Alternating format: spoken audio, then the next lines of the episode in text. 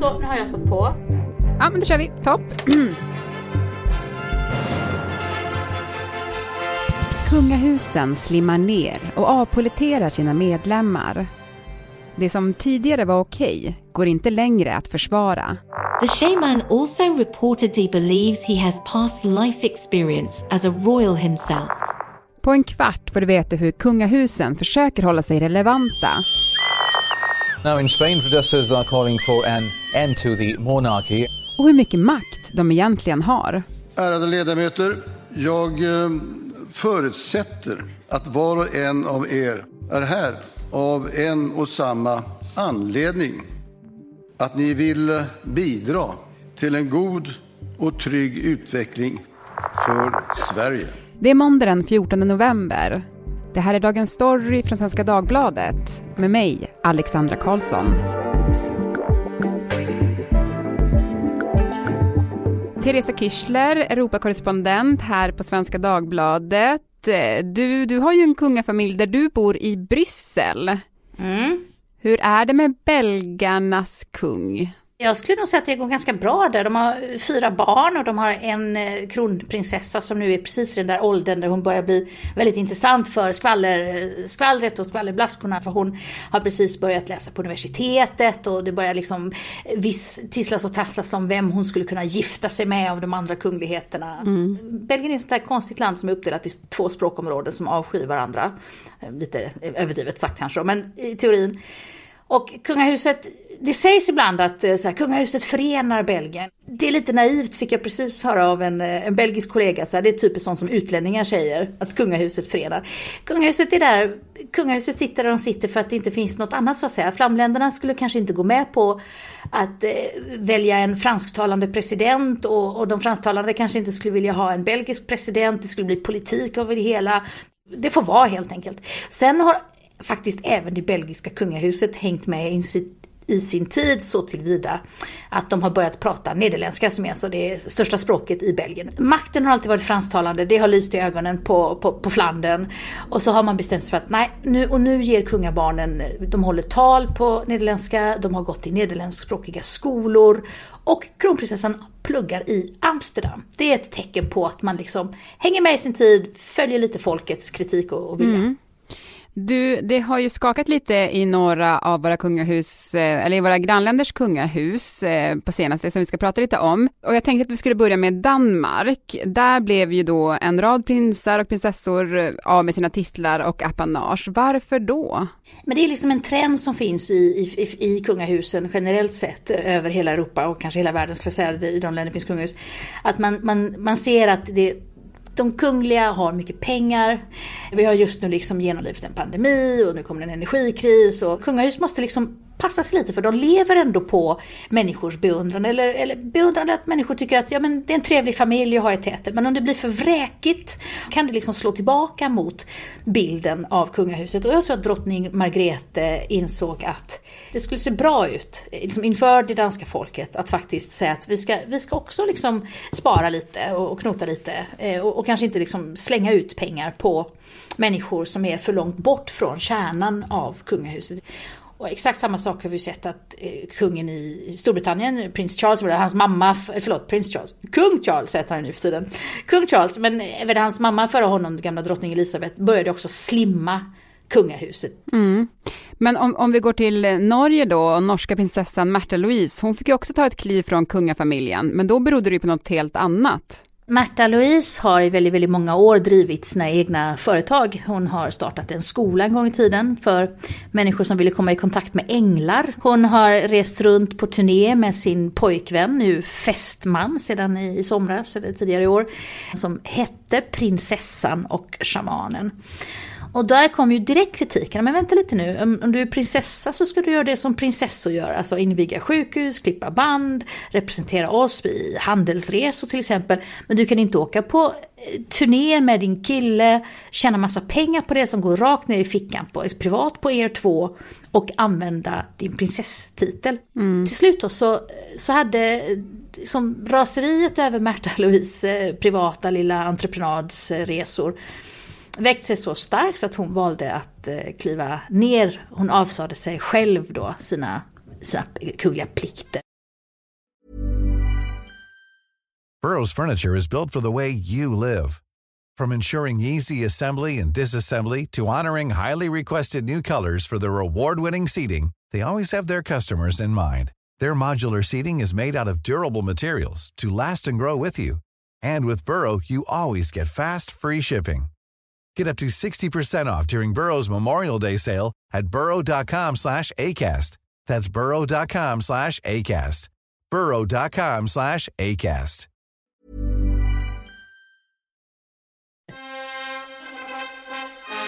Det finns runt 50 monarkier runt om i världen idag. I en del av dem har kungen all makt, medan andra är konstitutionella monarkier. I Europa och the Commonwealth, alltså prins Charles kungadöme, har monarkerna ingen riktig makt utan ska mest klippa band och representera. Även Thailand, Malaysia, Kambodja och Japan är konstitutionella monarkier. Liksom kungariket Lesotho. Desto mer makt har monarkerna i Mellanöstern och alla deras släktingar. And if the people are unhappy, how do you know? They will tell me. The whole country knows my number. Welcome to Dubai. Många av dagens kungar och drottningar kommer från familjer som haft makt så länge någon kan minnas. Monarchy has the advantage of historical pedigree. Sometimes it is real, as with the Japanese emperor, whose ancestors are ancient, even if they do not actually share DNA with the sun goddess. The roots of the British monarchy are more than a millennium old, even if the current incumbents' families were German immigrants little more than a couple of centuries ago. Sometimes it is a more recent invention, as with those Middle Easterners who were planted by the British as the Ottoman Empire collapsed. Efter första världskriget förlorade de flesta kungligheter i Europa sin politiska makt och demokratin gjorde sitt intåg. Och hundratals kungligheter blev av med sina titlar. Men du, vart tar alla avsatta kungligheter vägen, Teresa? Det där är intressant. Det är de kungahus som vi kan prata om i någorlunda modern tid som har avsatts. Det har varit antingen efter första världskriget när en, en del imperier upplöstes. Vi hade liksom en, en, kommunistisk revolution i Ryssland. Där fanns den, den ryske tsaren blev ju faktiskt inte avsatt utan han blev ju arkebuserad. Så att eh, där försvann liksom eh, tsarhuset eh, av naturliga skäl om man får säga så lite cyniskt. Andra avsatta kungar har varit till exempel hela Balkan har det funnits kungahus som försvann i och med kommunismen och Tito. Och flera de hamnade i Madrid och det råkar jag faktiskt veta därför att eh, släktingar till mig har gått på samma skolor i Madrid som några av barn och barnbarnen till de gamla eh, kungahusen i, i Balkan. Då när jag var liten kommer jag ihåg och jag åkte till Spanien och hälsade på släktingar, jag har ju då spanskt påbrå, så bläddrade man i skvallertidningen Revista Ola. Där var det faktiskt inte sällan som just de här avsatta kungarnas barn och barnbarn var med i jetset-världen. De partajade på de rätta klubbarna och umgicks med de rätta rikemanssönerna och rikemansdöttrarna i Madrid. Så länge så levde de liksom sina liv Liksom, de, de fortsatte sina rika liv. De avsattes men de hade pengar med sig när de fick lämna Balkan och flytta någon annanstans. Mm. Men för att summera då, så de flesta avsatta kungligheter, de hamnar i Spanien. Så var det i alla fall för när, när jag var liten. Men du, apropå Spanien då, så var det ju en gång i tiden Europas mest populära kung som faktiskt hjälpte till att införa demokrati. Vad hände sen? Alltså han var ju vansinnigt populär och då mer än någon annan kung. För det finns många kungar som är trevliga och som kanske gör god PR för sitt land. Spaniens förre kung Juan Carlos, han avvärjde en militärkupp det är extremt dramatiska scener då som utspelade sig i parlamentet i Spanien där beväpnade eh, fascistanhängare eh, ville liksom återinföra en, en, ett fascistiskt styre. Och de hade kallt räknat med att få kungens stöd. Mm. Men Juan Carlos hade andra planer. Han sa nej, jag tänker inte hjälpa till med den här militärkuppen, ni har inte mitt stöd, jag vill ha demokrati. Man lyckades avvärja den här militärkuppen och kungen visade liksom var skåpet skulle stå. Så att på ett sätt så var han mer politisk än kanske någon kung har varit i så pass eh, sentid. tid. Eh, men vad som hände med honom var ju att jo, men man kom ju på då de senaste tio åren att han i stort sett hade varit eh, ganska korrupt. Men man tror också att han har tagit mutor från alla möjliga olika liksom, shejker i Saudiarabien och olika affärskontrakt. Det har talats om till och med att folk har rest med resväskor fulla med cash, alltså fulla med kontanter, som har då lämnats över till någon skum typ i en portuppgång i Schweiz. Så det, det är verkligen så här liksom Eh, nästan filmaktigt som en sån här film noir som är lite grynig och svartvit med folk som gömmer sig med en sån här poncho i någon portuppgång nära en centralstation. Att han var korrupt, det var illa nog, men sen så visade det sig också att han hade i många, många, många år levt hemliga liv med olika kvinnor bakom drottning Sofias eh, rygg. Till slut så väckte sig kritiken så fruktansvärt stor så att det till och med, jag har sett på, på spansk tv hur han dyker upp, eh, han dök upp liksom och skulle hålla något tal som han har gjort hela sitt liv. Och folk buade, häcklade honom och skrek liksom avgå din korrupte jävel ungefär, vrålade människor på gatan. Kung Juan Carlos han reste då i exil i Dubai där han bor än idag. Men du, hur mycket makt har eh, kungahusen idag då? Det är lite så här, vad är formellt och vad är informellt? Vad är på riktigt och vad är på låtsas? I Belgien till exempel så är det kungen som ska utse vem som ska eh, få ihop en regering. Vilket är jättesvårt att få ihop en regering i ett land då med olika språk och alla alltid bråkar. Så att under några år efter varje val här så är det liksom skytteltrafik in och ut ur kungens eh, kontor på palatset. Mm. I Nederländerna så tillhör faktiskt kungen formellt Eh, regeringen. I praxis så är det klart att inte kungen lägger sig i vad en folkvald regering och ett folkvalt parlament håller på med i Nederländerna. Eh, I Danmark, vi vet att drottning Margrethe har mer makt än sin kusin i Sverige, kung Carl Gustaf. Eh, hon måste till exempel skriva på lagar. Mm. I Belgien så måste också kungen skriva på varje lag och det mynnade faktiskt ut till lite av en sån här landskonflikt en gång. Det fanns en tidigare kung här, kung Baudouin, han var väldigt djupt troende katolik. Och det tog emot för mycket för honom att skriva på eh, lagen om fri abort som kom tidigt i Belgien. Och då visste man inte hur man skulle lösa det, för politiskt har det varit helt omöjligt att kungen börjar stoppa lagar. Det, det, det får han ju inte göra. Då löste de det genom att han abdikerade i några dagar. Och sen så gick han på igen och var kung. Sen har vi kungahus som har riktig makt. Vi har till exempel Marockos kung. Mm. Eh, det finns ju liksom en tradition i de eh, arabiskspråkande kungahusen att de är mer eller mindre nedstigande släktingar till profeten Muhammed. Vilket gör liksom att Marockos kung ses väl lite som någon slags nästan halvgudomlig person. Det är faktiskt förbjudet att förolämpa honom. Samma sak gäller, ni vet de här i Saudiarabien och några andra. Det finns ju kungar kanske de kallas, några av dem shejker, några av dem. Men det är ju samma system, det är ju liksom härskare av, liksom, av det gamla snittet.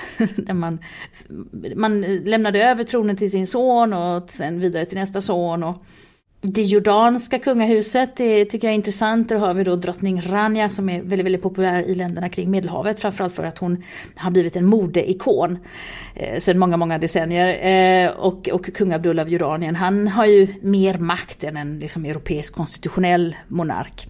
Mm. Han är väl kanske den monarken som jag tycker mest synd om. Om jag får lov att tycka synd om någon kung eller, eller drottning. De, de har det ju bra allihopa. Men den jordanske kungen vad jag, vad jag sammanfattar hans jobb till på eget bevåg det är att han är på ett ständigt tiggarstråt för Jordanien.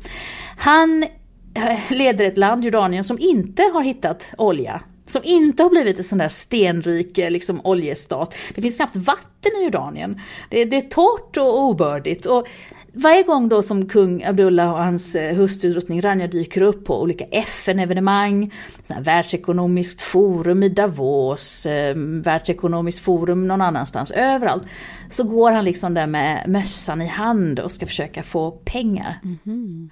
Men framförallt hjälp, oss, hjälp Jordanien med flyktingar. Det finns en liksom, jättestor flyktingproblematik för det ligger ändå mitt i en väldigt, väldigt känslig del av världen med stora flyktingströmmar. Och så nu vet jag att många skulle säga så här, det är inte alls synd om honom, det går massor med rykten om hur korrupta de är och hur mycket pengar de har och hur de hamstrar och ditt Fine, det där kan inte jag bekräfta eller inte men sådär som, bara som ett talesätt. Han är den kung som jag tror har det mest otacksamma uppdraget. Det är svårare för honom att få pengar till investeringar i uran än det är för prinsessan Victoria att åka ut och, och göra PR för Sverige som väldigt många länder vill investera i. Mm. Det här att de då väljer att ta bort titlar och minska liksom den kungliga gruppen, kan man se det som ett tecken på att kungligheterna själva är oroliga för sitt existensberättigande?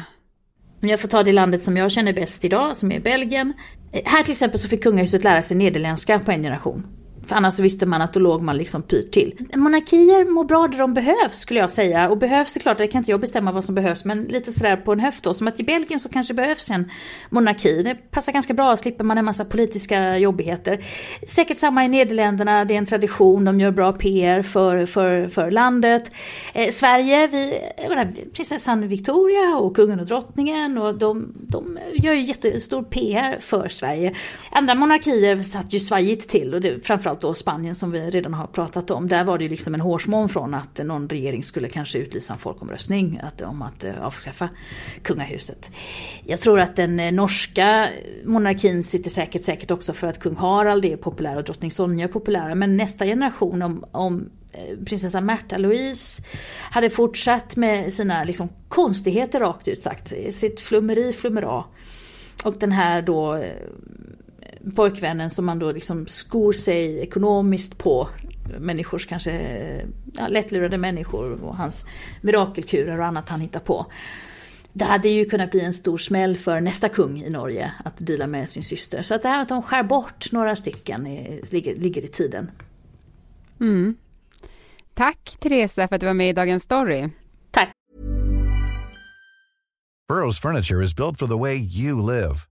From ensuring easy assembly and disassembly to honoring highly requested new colors for their award-winning seating, they always have their customers in mind. Their modular seating is made out of durable materials to last and grow with you. And with Burrow, you always get fast, free shipping.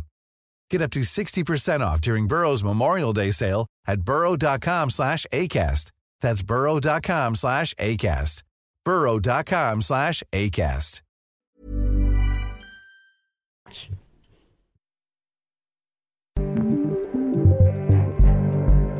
Programmet idag producerades av Elin Romeliotto. Redaktör var Erika Hallhagen och jag heter Alexandra Karlsson. Vill du kontakta oss så mejla till dagensstory.svd.se. Klippen i programmet kom från BBC, The Economist och riksdagens hemsida.